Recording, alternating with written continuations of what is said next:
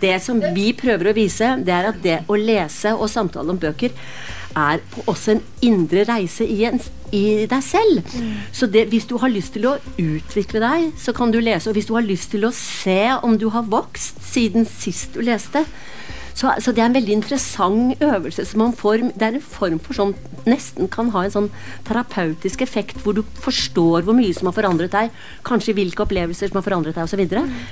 I sin nye bok 'Kristin må vekk' utforsker Vigdis Hjort og datteren Line Normann Hjort den unge Kristin Lavransdatter med dagens metoo-briller. Kan en kjærlighetshistorie fra 1300-tallet ha relevans i dag? Hør de to i samtale med bibliotekar Mette Langeland fra Kapittelfestivalen i 2022. Ja, eh, I år så er det jo 100 år siden den siste boka i trilogien eh, 'Kristin Lavransdatter' ble utgitt. Eh, og det var faktisk fire år siden jeg leste eh, 'Kristin Lavransdatter' eh, for første gang. Eh, og hadde en eh, kjempeopplevelse med det. Eh, og nå sitter jeg jo her med dere, som òg har lest 'Kristin Lavransdatter'. Og det er det kanskje flere som har gjort. Jeg lagde bare en podkast etter at jeg hadde lest den. jeg kan tenke meg at det er litt mer enn de fleste da. Men dere har skrevet ei bok etter at dere leste boka. Boka er eh, altså sånn Når jeg oppfatter boka, så er det liksom både et slags recap av, av Kristin Lavransdatter. Eh, så er det en analyse, og så er det en samtalebok mellom mor og datter. Takk for at dere er her. Og kanskje Line begynner med å fortelle litt om hva var ideen til hvordan kom denne boka til? da? Ja, men Det er som du sier, at det, det var jo dette jubileet for, for, to år siden, da, for Kransen. Um, og jeg, jeg, kan jo fortelle bitte litt om min bakgrunn, da, for de fleste vet sikkert hvem uh, Vigdis er. og hva hun driver med, Men jeg har, jeg, jeg har uh, en, egentlig en bakgrunn i filmvitenskap, og så fikk jeg et uh, doktorgradsprosjekt på noe som heter Senter for humanistisk rettsforskning i Bergen.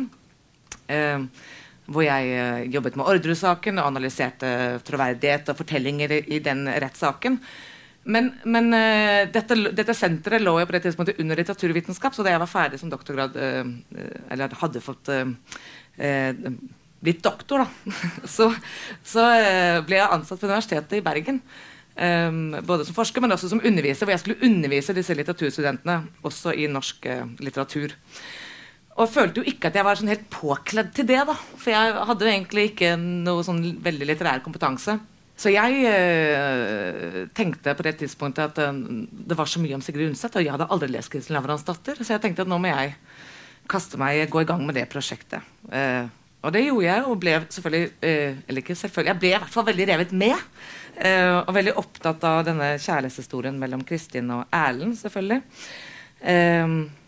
og jeg snakket mye med mor om, om det, min leseropplevelse. Og den var selvfølgelig også da veldig sånn Å, men og Erlend og Kristin, og hvorfor er jeg, for jeg Finnes en Erlend for meg? Og når er det, Finnes han bare i bøker? Når, møter han, når kommer han inn i mitt liv? liksom, Og var veldig opptatt av dette her. Og mor var eh, ja, ikke så opptatt av den kjærlighetshistorien. For da hadde hun begynt å lese eh, Kransen igjen i forbindelse med et eller annet foredrag du skulle holde. Og var bare opptatt av liksom, den første biten av den boka. Og liksom snakke om det, og det hadde jo ikke jeg. altså Jeg hadde jo bare komme til, den, altså, til kjærlighetshistorien og var forgapt i den. da. Men da jeg liksom hadde lest ferdig, eh, så eh, bladde jeg liksom tilbake til begynnelsen da, og leste den litt, eh, eh, litt forfra. Eller leste den fortellingen om igjen. da, Og da så jeg jo på en eller annen måte det mor hadde sett. Og så begynte vi å samtale om det. Um, og så syns vi at den samtalen om den kanskje kunne være fruktbar for andre også, fordi at det sier jo noe om hva slags type samtaler som leseren kan generere. da. Um, men også men, fordi det er litt un underkjent i resepsjonen. Men også et, det er også et formidlingsforsøk i forhold til unge mennesker. Som kanskje da kan tenke at ja, dette foregår på 1300-tallet, men det er tematikken er til dels også tidløs. Dessverre, kan du si. da. Så, men jeg kan godt si noe om eh, på en måte, altså at Vi tar utgangspunkt i bare akkurat den bitte lille delen som heter Gjørungård. For Erlend og Kristin de møter hverandre fordi Kristin frivillig har dratt til klosteret i Oslo. Så hele utgangspunktet er at Kristin er i kloster. Men hvorfor er Kristin i kloster? Og det er veldig interessant fordi Kristin hun har jo en gammel eh, barndomsvenn Arne, som er svenn hos eh, Lavrans, og har vært det i alle år. Og de er jo veldig tette. På første sidene så leker de at de gifter seg med hverandre osv. Du har liksom tre gårder. Du har Jørund gård, hvor, som er mm, mm, Kristins gård. Og så har du Finnsbrekken, som Arne kommer fra. Der har de hatt mye problemer. Og så har du prestegården med Eirik Sira, mm, mm, presten. Men så blir jo Kristin hun blir jo trolovet med Simon Darre, forlovet. Og så, og Arne skal reise vekk. Men han er så lei seg, for han er så forelsket i Kristin. Så han liksom sier, prøver av og til å nærme seg Kristin, så tror du ikke Ville du ikke heller hatt meg, liksom? Jo, men deg kjenner jeg jo bedre. Men jeg må gjøre som mor og far sier. Og dagen før han skal reise til Hamar, fordi han har liksom fått noen presten som skal hjelpe han frem der nede i Hamar, så kommer han dagen før til Gjørungård for å ta farvel. Men så ber han Kristin kan ikke du møte meg i, der og der i, om kvelden neste kveld. Du klarer sikkert å komme unna mor og far. For kvin unge kvinner skulle ikke gå ut aleine. Og, og, Kristin gjør det. Hun kommer seg unna og står på møteplassen. Og det er kaldt, og det er sølete på veien, og det er mørkt. For det er jo ikke gatelykter sånn som vi har her.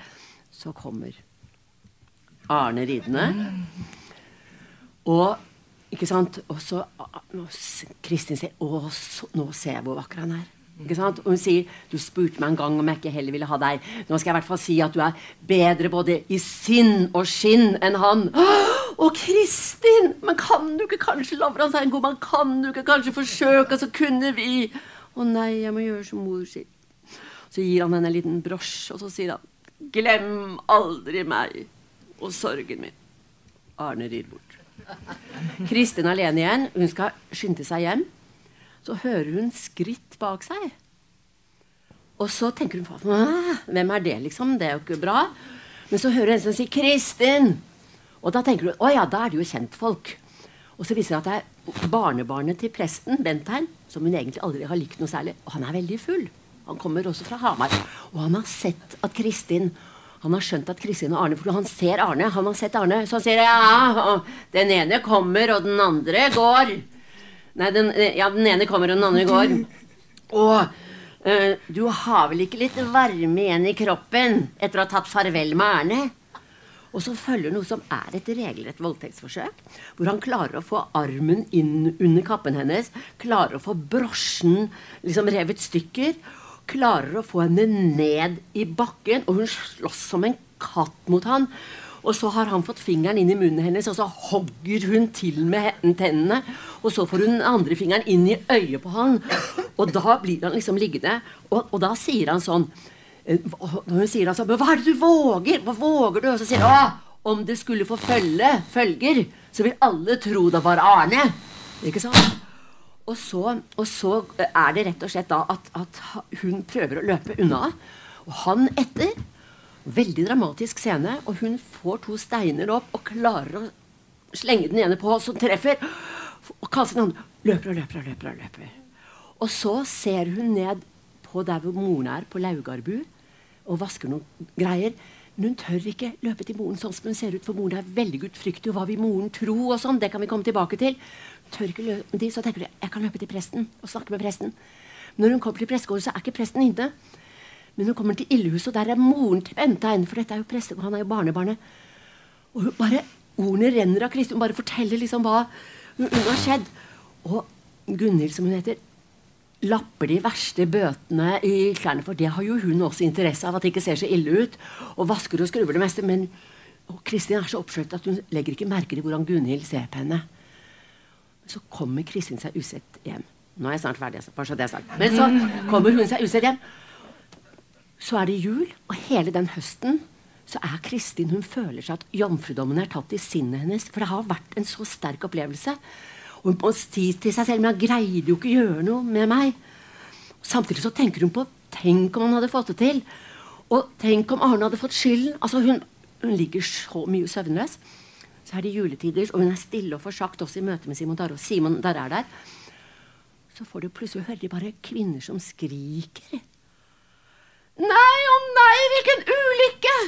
Nå kjører de Arne hjem død! Og så viser det seg at Arne og Bentheim er kommet opp og slåss nede på Hamar. Antagelig fordi det viser seg etterpå at Bentheim har jo sagt ha-ha, du sto der som en narr, du. Du fikk ikke noe, det ble ikke noe på deg. Men jeg, vet du, jeg fikk Kristin. Og så har det slåss, og så har da eh, Bentheim drept Arne. Og Bentein skal da bli hengt for drapet. Så det er to menn som er døde. Så avslutningsvis så er Kristin blir likblek. Og så kommer da Lavrans. Han vil straks ri til Inga og Jyrd, foreldrene til Arne, for å trøste, fordi han var så glad i Arne. Og se på Kristin og si 'Vil du være med, du også?' Så kommer de ned dit. Masse fakler som står utenfor, og de små søstrene til Arne står der og fryser. Og så, og så har Lavrans med linklær, eh, en linklede og varmt brød til Inga, som skikken er. Men Inga, bare stå, moren til Arne, bare står med det sånn. Se på Kristin. 'Kommer du, du også?' 'Ja.' 'Vil du se på han, kanskje?' Hun tar lakenet bort. Så Kristin ser det gulhvite ansiktet og også såret her. 'Vil du kysse ham, kanskje?' Kristin hun ser, bøyer seg ned og kysser. Og så sier Inga Å, du, du liker ikke kysse ham nå, sier jeg, men du forsmådde ikke munnen hans da du møtte han nede på landeveien her. Og så sier hun ja, ja jeg, møtte, jeg møtte Arne fordi han ba meg om det. Men det skjedde ingenting galt mellom oss. Hæ, med Arne? Nei, men med Bentein. Så kaster hun hele linkledet over til Kristin og sier dette kan du si deg altså giftetørkle av. Eller svøpe om horungen din. Ikke sant? For alle veit at du ble gift med Bentein på landeveien. Og, og Lavrans blir jo rasende. Men Gud sier det var om Kristin de hadde snakket i den drikkestuen. Og ryktene har nok gått her i bygda. Så er det liksom Simon som rir hjem, og Lavrans når man ikke sier noe til Ragnfrid. Og når da Ragnfrid sover, så går Lavrans bort til henne. Kristin og spør, og hun forteller, og han sier da avslutningsvis Jeg skjønner at dette har vært vondt for deg, men aldri hadde jeg trodd at noen av døtrene mine skulle bli, bli liksom fulgt med skam her. Så han står ikke 100% på hennes side. Kristin føler skylden for to drap, og for at de tre gårdene hvor alle har vært venner, er det fiendskap mellom alle gårdene. Og det er hennes skyld. Og hun sier Ingen kan jeg se i øynene mer her i dalen. Far, send meg til kloster, send meg til kloster. Den historien er det vi gjenforteller, som vi samtaler om, fordi den er underkjent i, i lesningen av Kristi Undset at det var en metoo-situasjon som var hele utgangspunktet for det hele. Så vi, det fant vi verdt å si noe om. Var en lang introduksjon her. ja, men det var ganske heftige greier, ja. det som skjedde. Ja. Um, um, men altså, det der med metoo, da, det kan vi jo snakke litt videre om. For det er jo blitt litt sånn omtalt av boka. Nå har dere lest Kristin Lavransdatter med metoo-brillene. Um, altså, hvordan opplever dere det? Er det sånn at vi endrer måten vi ser på boka, alt etter hva som skjer i, i samfunnet? Altså, denne historien da, med at hun blir nesten voldtatt, og sånt, så man ikke det like godt før som man ser det kanskje nå? Eller? Jeg tror nok at, altså, i, før i gamle det er, har vært en sånn ukultur så lenge. Altså, Kristin, nei, Sigrid Undset kjente jo sin historie. Faren var jo arkeolog, hun var veldig historieinteressert fra hun var liten. Og levde selvfølgelig i et samfunn som var mye mer kvinneundertrykkende enn en, en samfunnet er i dag.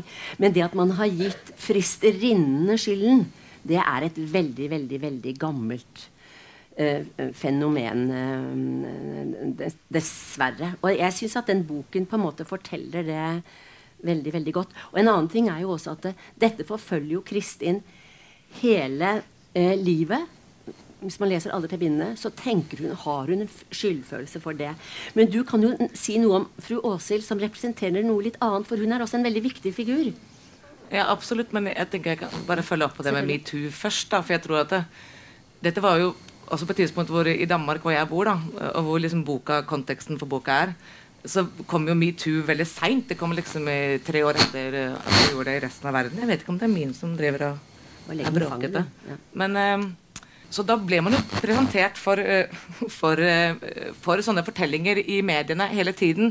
Sofie Linde, som vi nevner i boka, som, er, som satte i gang den bølgen med metoo i Danmark i 2020, tror jeg det var fortalte jo om seksuell trakassering i mediebransjen. Og sånne ting, og så kom det en svære bølger hvor det kom masse fortellinger fram. Og det er klart at når man da leser at jeg tror at man har de fortellingene så presente i huet, og de diskuteres så heftig at det gjør noe med hvordan man leser den fortellingen. Det tror jeg da helt klart. Også det med at det blir så tydelig at noen av de mekanismene som gjør seg gjeldende i de kvinners fortellinger i dag, de er de samme eh, som Veldig mange av de samme i hvert fall som noe av det Kristin er utsatt for. Altså, hun tar skylda på seg selv fordi hun føler hun har gjort noe galt. Hun gikk ut om kvelden. og at det der med at du, man, også er man ikke redd for de, de, de, man kjenner, fordi man tenker at det er de fremmede som er farlige. Men statistikken sier at det er helt omvendt. Men også veldig mange av disse tingene som tar hun opp og tematiserer i denne eh, veldig lille delen av boken. da, Men som sier veldig mye om at, ja, at noen av disse strukturene her,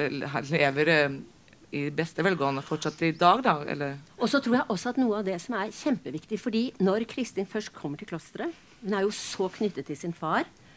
Hun har på en måte vært engstelig for Ragnfrid. Hun har alltid hørt at hun, du må ikke si det til Ragnfrid, og dette må Ragnfrid ikke høre, fordi hun er et skjørt menneske, på en måte. Uh, så har hun jo uh, Så når hun opplever det hun opplever, fordi når hun kommer til Oslo, så blir hun jo enormt på en måte modig i forhold til en ung kvinne. å være. Hun forfølger sitt begjær etter den fra før av opptatte Erlend. Hun går til og med på horehus og møter han i de merkeligste steder.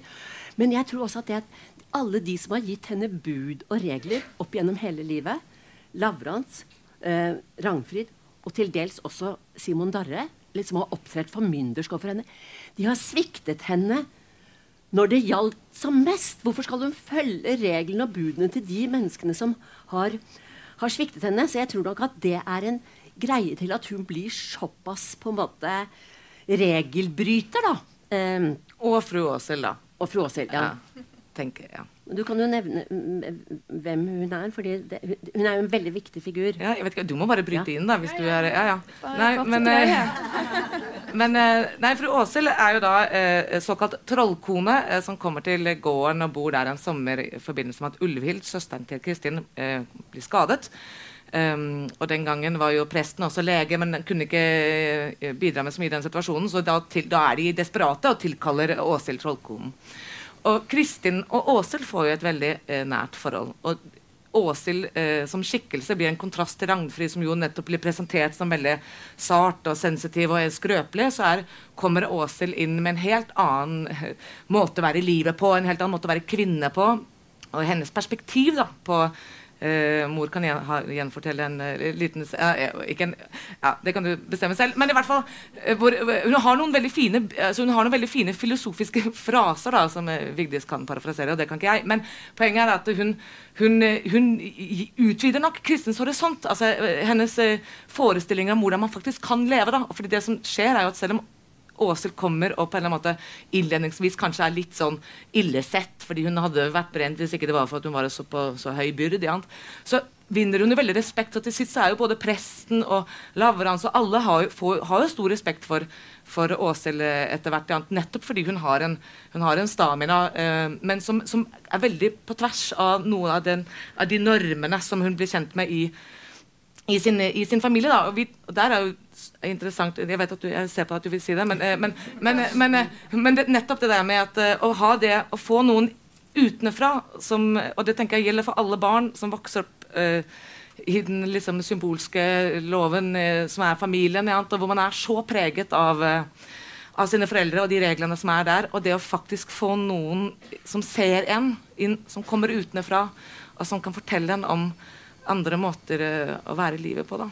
Og Ragnfrid det kommer jo fram mot slutten av boken. ikke sant? For Vi blir presentert for Ragnfrid, hun er ung sånn, og hun sier flere steder fordi barna hennes har dødd, og nå er det Ulvil, ikke sant? Og sånn Å, kors, jeg bringer ulykke over deg, Lavran, sier hun. ikke sant? Men det som er saken, det er at Ragnfrid ikke var jomfru da hun giftet seg. Og hun går jo hele tiden, og det er det som er øverst oppe i hjernebanken hennes. Jeg var ikke jomfru da jeg giftet meg! Jeg var ikke jomfru da jeg giftet meg! Jeg var ikke... Og da når barn dør Det er fordi jeg ikke var jomfru da jeg giftet meg! Og når ulver blir syk Det er fordi jeg ikke var jomfru da jeg giftet meg! Altså, og, og det, kan, det, kan, vise hvor enormt mye sånne ting betyr, da. Og, og, sånn. Så hele hennes livsholdning. Mens da fru Åshild har jo vært gift flere ganger, og den siste gang med en veldig mye yngre mann. ikke sant? Og du har jo dette hvor når Kristin møter, har dette synet med alvemøen. Mm. Hvor hun ser ikke sant, hun er alene for de andre sover. På, eller også bøyer hun seg over et sånt lite vann for å se på seg selv. da, Fordi alle sier at hun ligner på Lavran, som er så vakker. Og så ser hun der, og hun har med gullseinen, eh, hesten sin. Og så plutselig så ser hun noe. Og så ser hun opp, og der står det en kvinne med en gullkrans og vifter med en gullkrans. Og så steiler Gullsara ikke sant, og løper, og Kristin blir redd, og alle blir sånn. Og når Lavrans da endelig kommer, så sier å, de vil lokke det vakre barnet inn i fjellet. Som jo er et, et, et, eksempel på at selv om Norge ble kristen på 1000-tallet, så levde jo overtroen i, i, folk i lang, lang tid enda. Men det og, og Kristi bare Du må aldri fortelle Ragnfrid må aldri vite at hun har vært i stedet i så stor fare. Ingen må si noe. Og den eneste som da um, Kristin åpner seg for, er fru Åshild som forteller om det. Og det er typisk fru Åshild at fru Åshild sier at Nå, du hadde ikke lyst til, da, når hun viftet med gullkransen, og ta den imot. Så kunne du jo bare gjøre troll, trollet til sten igjen etterpå. Å nei, det tykkes jeg nok ikke er pent, vil være pent, sier Kristin. Så sier fru Åshild, ja ja, det er greit at du ikke vil gjøre det du ikke syns er pent, men det er verre hvis du kaller det du ikke tør å gjøre, for stygt. Ikke sant? Altså En veldig visdomord av det istedenfor at vi altså vi sier at nei, det skal jeg ikke gjøre fordi det er stygt, så er det kaller vi det stygt fordi vi egentlig ikke tør å gjøre det. Vi er uh, sånn feige. Så bare et sånt perspektiv på, på sånn, så, så hun, hun, blir en veldig, veldig viktig mm, figur. Ja. Um, um, jeg, dere har hatt et uh, samarbeid med Sigrid Undset-selskapet uh, i vår og jobba med ungdommer, ettersom jeg har forstått. Uh, opplever de boka på samme måte som dere gjør det? Eller leser ungdom det på en annen måte? Nei, jeg kan godt ja. ja. Nei, jeg, jeg, tenker bare hvor, uh, Da tenker du på det som var på Lillehammer? Ja, det der ja. kurset jeg hadde? Ja. ja. Uh, det var um, Det var ingen som hadde lest, Kristin Lavransdatter. Men det må jeg bare si en ting veldig fort, da. Mm. Det er at det, Sigrid Undset var veldig opptatt av sagaen. Hun sa, satt og leste sagalitteratur sammen med faren fra hun var veldig ung. Og sagaene så har du jo Den var gift med den som fikk de barna der. Sånn barn og sånn. sånn, sånn bodde den der, så får det den gården dit. Bodde sånn og sånn. Og sånn. Og også hvis du leser Bibelen, så har du hele ramset opp hele Abrahams slekt fra i tusen generasjoner før de saftige fortellingene kommer. Og det, er jo litt sånn i begynnelsen med Kristin Lammerlandsdatter også, at det er veldig mye Solgte gården på skoger, måtte handle med den og den og kongen for å få den. Sånn. sånn? Og det er flere sider med sånt. Og ungdom i dag de er jo så vant til å se De leser ikke nitidige beskrivelser av hus og landskap, for de har ett bilde på skjermen, på sånn, så har de sett landskapet.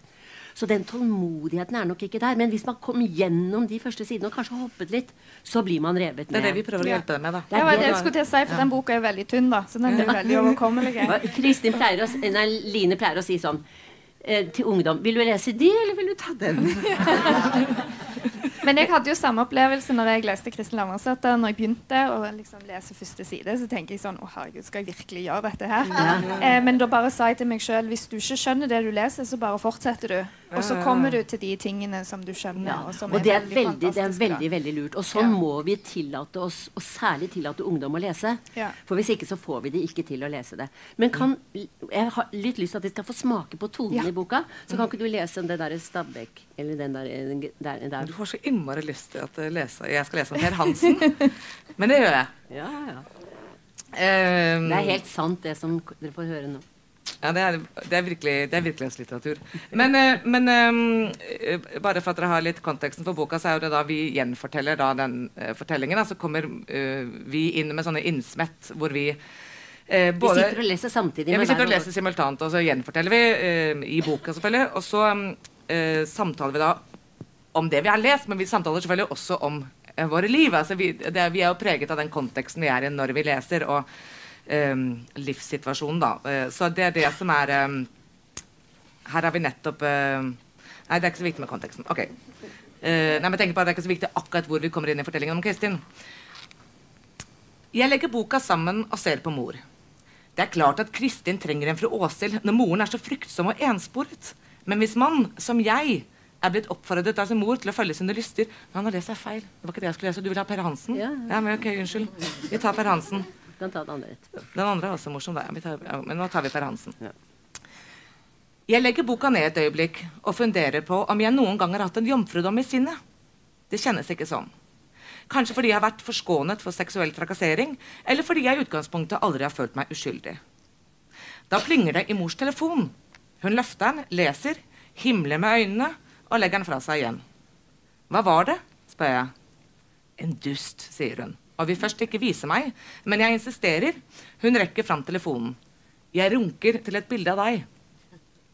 Hvem er det fra? Aner ikke, sier hun, og av nysgjerrighet sjekker jeg nummeret. Det er en Per Hansen fra Stabekk som runker. Det må være et gammelt bilde, mumler mor. Vi bestiller kaffe, og da den kommer, plinger det igjen.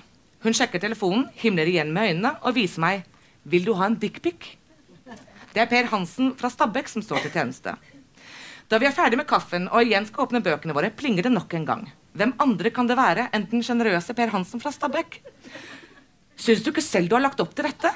Dere dumme kvinnelige kjendisforfattere. Hvorfor skriver dere egentlig? Vi har Hamsun. Vi ler høyt, men jeg setter fort latteren i halsen. For hva om Per Hansen fra Stabekk vil bidra til å forsterke mors allerede sviktende tro på menn? Jeg trenger at hun har troa, for å bevare min egen, og for at døtrene mine skal tro. Jeg vil ikke at en mann fra Bærum skal ødelegge for alle troende kvinner der ute. Alle er ikke som Per Hansen fra Stabekk, sier jeg til henne, dvs. Si til meg selv. Alle menn lar seg ikke styre av kjøttets lyst, legger jeg til, men hører at jeg ikke er helt overbevist. Jeg er glad jeg er over 60 og uten illusjoner, sier mor. Men jeg vil gjerne beholde mine, sier jeg og hever stemmen, for jeg får plutselig den tanke at det er mor som er skyld i mine forliste forhold, at min mistenksomhet stammer fra henne. Kanskje mennene jeg har vært sammen med, egentlig har vært velmenende og sjenerøse, ikke fordekte og bedragerske, at det bare er jeg som er miljøskada. Jeg er redd du har smitta meg med de mistro til mannfolk, sier jeg opphisset, anklagende. Så, så, sier hun. Jeg har ikke vært mer mistroisk enn at jeg har kastet meg ut i det gang på gang. Og forresten, sier hun tørt, hvis jeg var deg, ville jeg heller vært forbanna på Per Hansen. Jeg tier et øyeblikk. Så legger hun til at om også menn flest hadde vært forbanna på Per Hansen og hans like, hadde det vært lettere i verden både for kvinner og mennene som vil ha dem.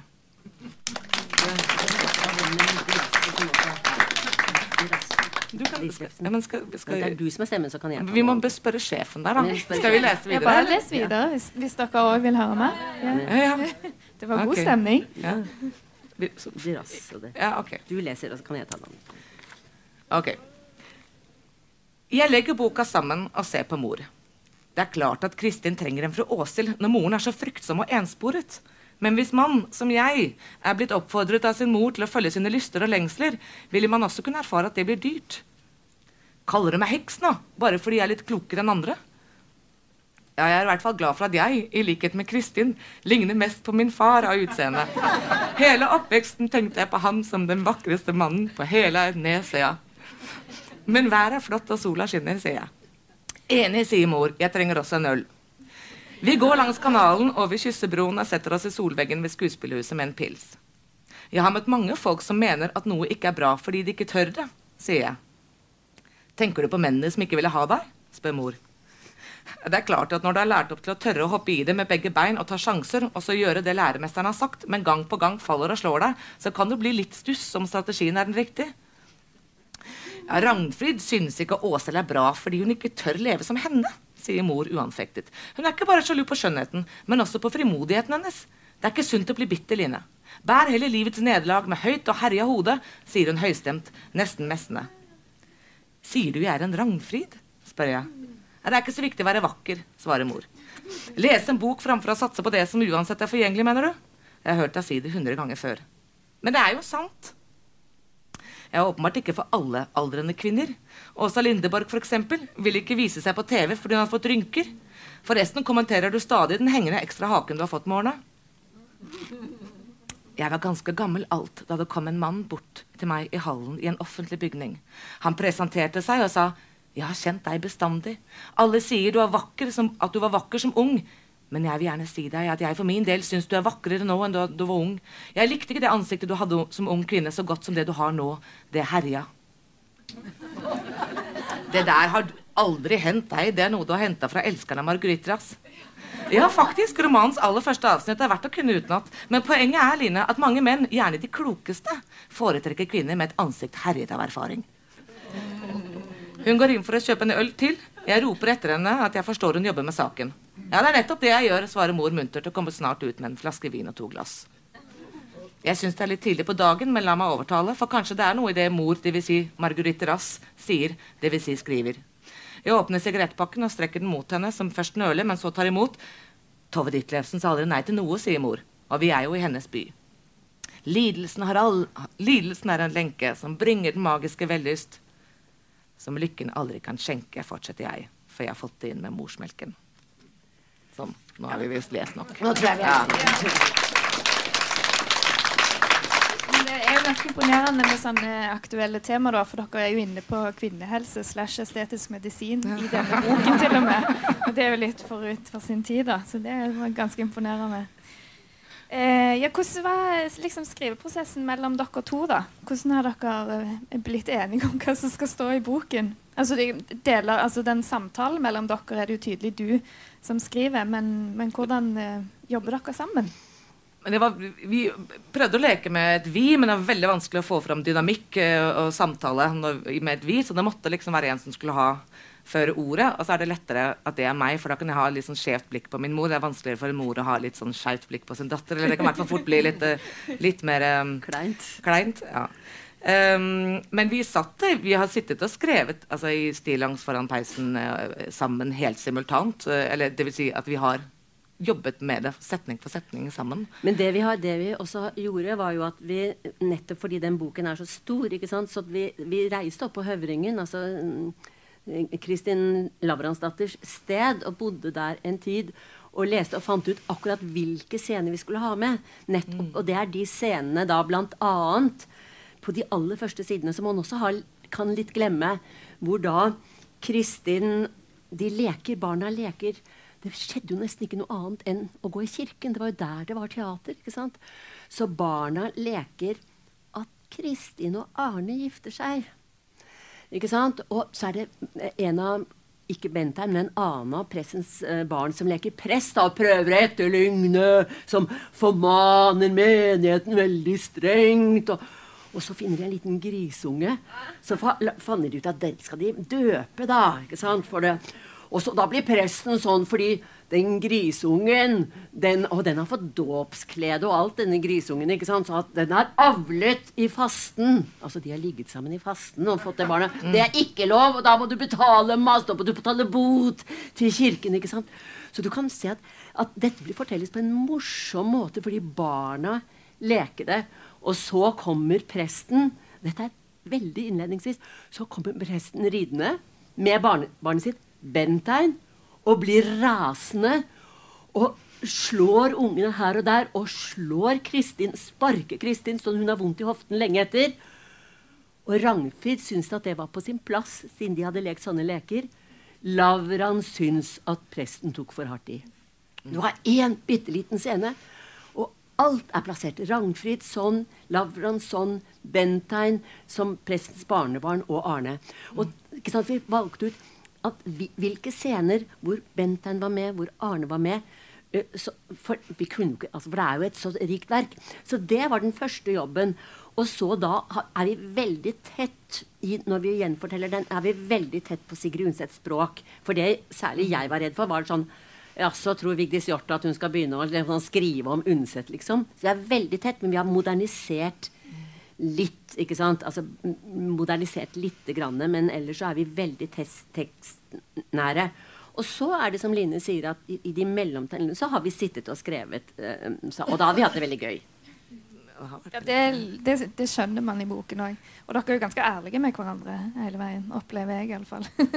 ja. ja da, vi er, nok, vi er nok det. Dere er nok ærlige folk da, tror jeg. Men for et sted i boka så står det at dere ser opp fra bøkene deres, og begge knurrer. Det likte jeg veldig godt. Og da følte jeg, da liksom kom jeg virkelig inn i, inn i det der Akkurat som om dere finner aggresjon i, i teksten. Men da kan vi lese litt. Kan jeg lese litt? Du kan lese den. Nå kan ja. du lese den. Du leser også hakket kjappere enn uh, dattera her. Um, uh, det er der. Du må lese der først òg, da. Hvis du vil ha konteksten. Det, Nei, du, kon, uh, dette er jo der i fortellingen hvor Kristin har uh, altså, hvor uh, Kristin har blitt forsøkt voldtatt og sitter med denne med kjempestor skam. Hun drømmer stygt om natten, hun, hun kan ikke være i seg sjæl, og hun får altså skylda.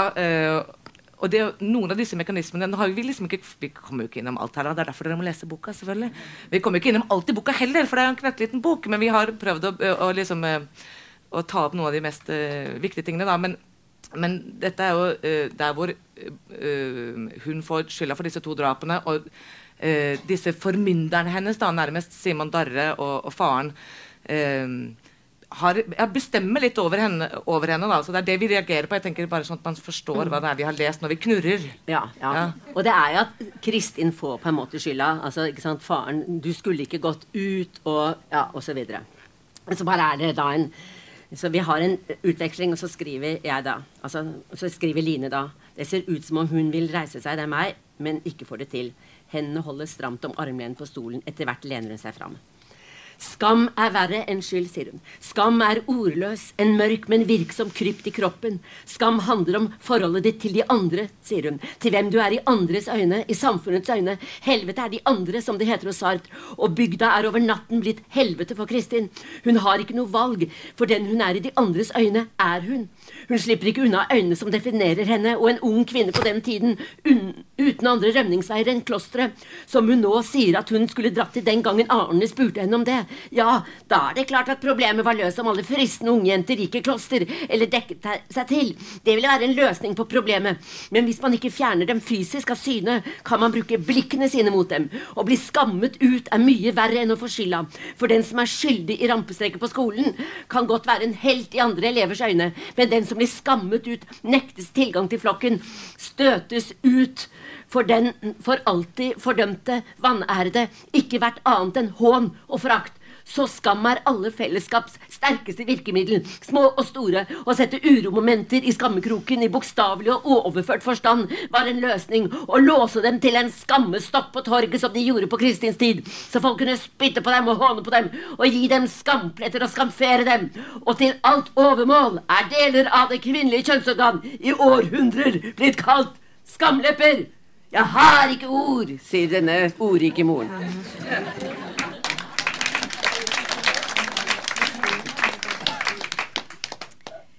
Um, da tror jeg at vi skal tone det litt ned. så, så, tenker jeg For jeg har en ting som jeg, det, jeg trenger å høre hva dere mener om, og det er jo Erlend. Selv om dere ikke skriver om han i denne boken, så er han jo ganske sentral i, i, i verket. da. Um, og du, Line, snakket i begynnelsen om at liksom, du var liksom, å, inni denne historien. og sånn. Uh, når jeg leste boka, så tenkte jeg Erlend er en drittsekk. Og jeg har møtt eh, jeg har møtt flere Erlender i mitt liv eh, som på min alder, og de er oppkalt etter denne Erlend. og jeg har alltid, eller nå etter at jeg har skjønt hele historien, så har jeg inni meg tenkt sånn åh, det må jo være litt pinlig å gå rundt og være oppkalt etter han. Men, for han er jo litt drittsekk. Ja. Men der er, der er jo noe altså hun, Kristin er jo veldig forelska, men jeg, jeg klarer ikke å se det. Kan dere fortelle litt om om hvorfor det er en fin kjærlighetshistorie. Altså, sier jo at det, det, er veldig veldig mange Når man skal sette dette opp på teater eller film, og sånn, så vil jo veldig mange skuespillerinner vil jo veldig gjerne spille Kristin. Det er ingen skuespiller som vil spille Erlend. Fordi han er en dust. Han er ikke noen spennende karakter. og sånn. Altså, dette sier, sier skuespillere seg Han er veldig vakker. da. Imellom han er vakker. og det, det, er, det, er, det er vel det han er. Han er vakker. Også, men jeg har lyst til å bare fortelle en ting som Sissel Gran pekte på på Lillehammer som var veldig interessant. For hun er jo psykolog, og hun forteller om altså at når du lar dette et eksperiment ved bare to en fremmed mann og en fremmed kvinne skulle, skulle i flere i puljer skulle gå over to ulike broer. Mann og kvinne sammen. Ganske lange broer. Og den ene broen var veldig fin og solid og veldig ja, 200 meter, liksom. Og den andre broen var skakk og skjør, og eh, man lurte på om man kom over, liksom. Etterpå så snakket man om hvor, slags, hvordan de hadde hatt det på den liksom, helt fremmede mennesker. Og at de som hadde gått på den skrøpelige eh, broen, var veldig mange hadde begynt å begjære hverandre. Det oppstått. Fordi fare og erotikk henger litt sammen. Viser det eksperimentet, da. Og når Kristin og Erlend møter hverandre, så er jo det er jo litt fritt. Hun er jo ute sammen med en annen jente. Hun går i Oslo og orienterer seg i denne litt fremmede, litt skumle byen som de ikke kjenner veldig godt. Og så er det en av skutene på kaia som kommer med ville dyr fra Afrika eller Asia. Tigrer og løver. Og de har kommet seg løs. Så det er i, i lille den, Oslo, som det het, den bitte lille byen, så er det tigrer. Sultne tigre og løver løp. Og alle løper i hytt og pine, og Kristin og hun klostervenninne løper. Og dermed så løper de langt inn i skauen hvor de ikke skal komme, og der kommer det noen menn som kaster seg over dem og vil rive dem, og sånn. Da kommer Erlend, den vakre Erlend. Så jeg tror, jeg tror, sånne begynnelser kan være enormt. Og vise hvor god Sigrid Undset er til å lage Det var ikke bare altså, ville dyr og kjeltringer. Og han kommer, og han redder dem. Men altså, er det jo også det du sier, et argument for hvorfor den boken også kan være relevant i, i, dag. da. Altså det, du har møtt mange Erlender, jeg har også møtt mange Erlender. Og det, de, de vakre er ofte de som er drittsekker òg. Så det er vel eh, Det er jo nettopp gjenkjennelig for mange, da, tenker jeg. Erlend, en Erlend-type. Men han, han, altså det interessante er jo på en eller annen måte også at Kristin får skylda for Arne og Bentheins dra, øh, død. Men, men øh, Erlend faller jo også til sist øh, fordi han eh, skal forsvare Kristin Jan. Så det, han, han, dør også på en eller annen måte hva skal man si, på grunn av henne. eller så eh, han får jo betale da for å være men så, men så er jo også Erlend kontrastert opp mot Simon Darre. Og eh, noen har sagt at liksom Simon at, at Sigrid Undset selv Det er det vel hun Sig, Sigrid Slapp, Sigrun Slappgård som har skrevet at Sigrid Undset, Hun har jo forsket masse på Sigrid Undset, og Sigrid Undset selv sa at hun var glad på en måte, Hun skulle gjerne liksom skrevet mer om han. Men det jeg syns er så rart med det, det er at Simon Darre er jo en sånn floskelmaker. Han snakker sånne eh, Sånn siterer sånne konger og sånn som, liksom sånn, som har et flatt språk, da.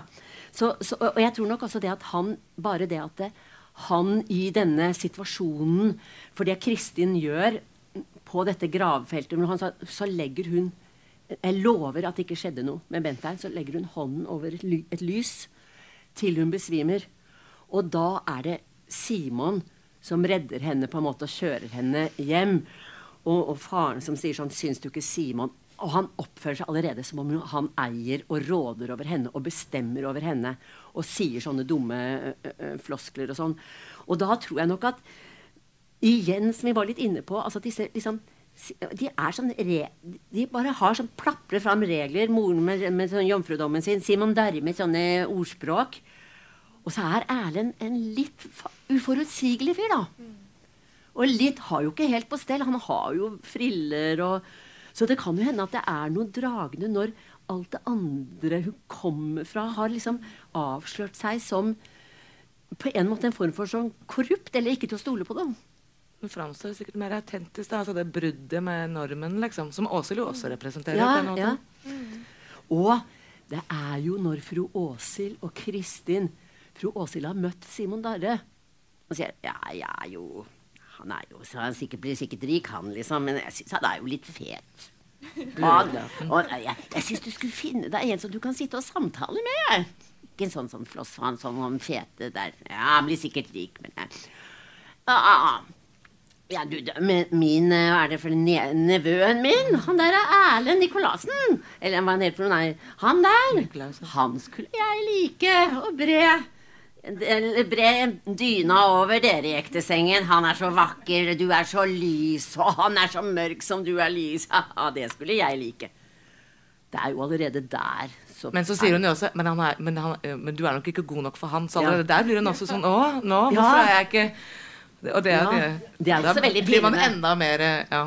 Ja, han er for fin, ikke sant? Å, er jeg ikke fin nok, jeg, da? Jo, jo, du er nok fin på den måten der, men du lever jo i denne bitte lille dalen her så det ikke skjer noen ting. Mens han, han er ute der, ikke sant. Men jeg må ærlig innrømme at jeg egentlig ikke tenkte over at han var en drittsekk. Men jeg må lese den en gang til, da. Ja, for det, er, det, det, det er jo en bok som, som, de sier at man skal lese flere ganger i livet. Ja. Og du har lest den flere ganger. Ja. Er du enig i det? At man liksom må lese den ja, altså, jeg er litt sånn imot at man skal si at man må lese bøker og sånn. fordi altså, jeg har jo um, vært sammen jeg bare si det, vært sammen med Hun var jo sammen bare si morsomt moro skyld, altså, vært sammen med en bilselger som ikke har lest en bil i hele sitt liv. Ikke lest en bil? ikke lest en bok i hele sitt liv! Men var virkelig et fantastisk flott og klokt menneske og sånn. Og han bodde i Skien, Ibsens by. Og han visste ikke hvem Ibsen var. Og ikke noe sånt. Og så skulle jeg bli, Han vekket liksom snakkelysten i meg. da, så skulle jeg, jeg, skulle liksom fortelle han om Nora. da. Og han, denne her var en sånn jeger, så han hadde vært sammen med masse damer og alt mulig sånn. Den forrige het Linda, liksom. Så fortalte jeg om Nora, da. Nora dro fordi hun ville Hun ønsket seg det vidunderlige. Ja, det var det Linda sa da dro også.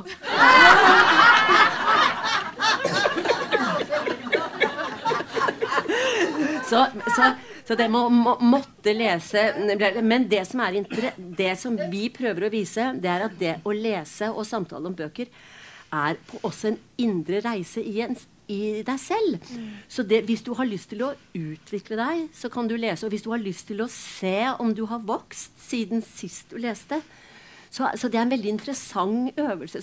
Får, det er en form for sånn Nesten kan ha en sånn terapeutisk effekt, hvor du forstår hvor mye som har forandret deg. Kanskje hvilke opplevelser som har forandret deg, osv. Men, så, ja. ja, men jeg tenker også det å samtale om det man leser, da. Og kanskje, jeg tenker at det vil sikkert være godt for enhver familie å ha sånn leseklubb. hvor man, Så kan man samtale også litt indirekte om alle de problemene som er i familien, og alle de dårlige relasjonene, men man gjør det liksom via romanen. Fordi det er jo på en eller annen måte Det er jo litt, uh, det, er jo litt det, som også blir mulig, da. Fordi du snakker om noe annet, og så likevel så er det sånn grunnleggende tematikker, grunnleggende spørsmål, uh, eksistensielle temaer som, som er gjenstand for for samtalen, men man snakker ikke nødvendigvis om deg og meg og du i går. Men uh, Man snakker om Kristin og Erlend ja, ja. og, og hvem, hvilke menn som er drittsekker. ikke sant? Mm. Og hva det går ut på osv. Ja. Men bare si noe, kom jeg på det. fordi at det, apropos Nei, fordi denne bilselgeren, da. det er veldig fin tid. Men han uh, Altså, jeg satt han Og dette var lenge før Arv og miljø kom, og søsteren min og sånn. Det var lenge før det. Men jeg satt og fortalte ham om min familie Ikke sant? om hvordan forholdene i familien Og så sa han bilselgeren da ja, det høres ut som de har krasja, og så har de skrevet skademelding hver for seg. Så du kan være veldig slagferdig uten å lese mye litteratur. Ja, ikke sant? Men du sa at det var terapeutisk, eller det kunne være terapeutisk. Har det vært det mellom dere to, da? Eh, det, det, vi, vi snakker nok, tror jeg, mer eh, direkte enn eh, en mange andre foreldre og barn gjør, tror jeg. Og snakk, dette kan jeg jo ikke vite, men jeg har mange venninner som har eh, veldig kompliserte forhold til sine mødre, som også kan minne litt om det forholdet Kristin har til Ragnfrid. Hvis de prøver å henvende seg til deres mor, så blir det bare verre. Hun går til mor med et problem, så får du et til. Altså det, med at det, er, har, det, det skaper mer uro enn, det, enn forløsning. da. Eh, men der har jeg ikke Jeg hadde en samtale om dette i går kveld også. dette med nettopp det, Men det må være, det må være noe ugg der mellom dere og det, Selvfølgelig er det er det, det. Men, men vi, jeg tror at um, Vigdis tåler å høre tingene med Jeg behøver ikke å gå via Åshild eller Ragnfrid. Selv om vi leker med det i boken, selvfølgelig. da, Det gjør vi jo. Mm. Uh, men, uh, men, det er litt et grep mer enn det er uh, at vi trenger det. Jeg vet ikke hva du tenker om det. det, er, det er, jeg er veldig ærlig med mor. Jeg vet ikke hvor ærlig hun er med meg. Jo, men det er, det vi har jo en ærlig, ærlig tone, og jeg, jeg, har liksom troa på det. Altså, det er klart at en, en, mor eller en primær omsorgsfigur har jo et, en, en, enorm makt over et lite barn. Og det maktforholdet mellom foreldre og barn er så skjevt For dette barnet kommer ut og ser på disse foreldrene som, som det er helt avhengig av. Både for mat av pupp eller mat av Man kan nesten ikke bruke ordet mor, for da er det noen som kan bli Men altså, den primære omsorgsfigur, da. Men i hvert fall, du er avhengig av det. Og det er et ulikevektforhold. Så jeg tenker noen ganger at, at, at, noen, og veldig mange, og særlig i tidligere generasjoner av kvinner, de har kanskje aldri blitt elsket så hengiven som de er elsket av sine barn. Og de kan nære seg på det at de blir for, kanskje for første gang i livet elsket. Jeg husker Det er ikke så lenge siden jeg satt på kafé, og så var det en sånn barn på sånn fire-fem måneder, og så skulle moren på toalettet, men det var andre folk der. da. Og så begynner barnet, den lille gutten, å skrike. Og så sier, um, og så sier uh, moren Lyser opp. Se, han gråter. Bare jeg kommer ut av et rom. ikke sant? men jeg tror nok at det, at det er oppgaven for foreldre og da og, noen da vil ofte forlenge symbiosen, f.eks. For, eksempel, for de nærer seg på den. Og også forlenge det at det er en avhengighet. Så jeg tror nok at foreldrenes oppgave er også liksom langsomt og skritt for skritt vise at man er feilbarlige og veldig menneskelige mennesker som gjør masse, masse dumme ting. Og snakke ærlig om det framfor å skjule det for å beholde sin status. Da. Det tror jeg nok er en, en god ting. Som, og da tror jeg ærlighet er viktig. Da. Det tror jeg. Mm. Da er det jo sånn at vi dessverre må avslutte. Dere har heldigvis ikke skrevet en for tjukk bok, for ellers måtte vi hatt dobbelt så lang tid. eh, eh, takk for at dere kom her i dag. Eh, takk til alle som kom og hørte på. Eh, ja. Ja så hyggelig. Og takk til deg som var så flink. Og takk, ja, takk for oss.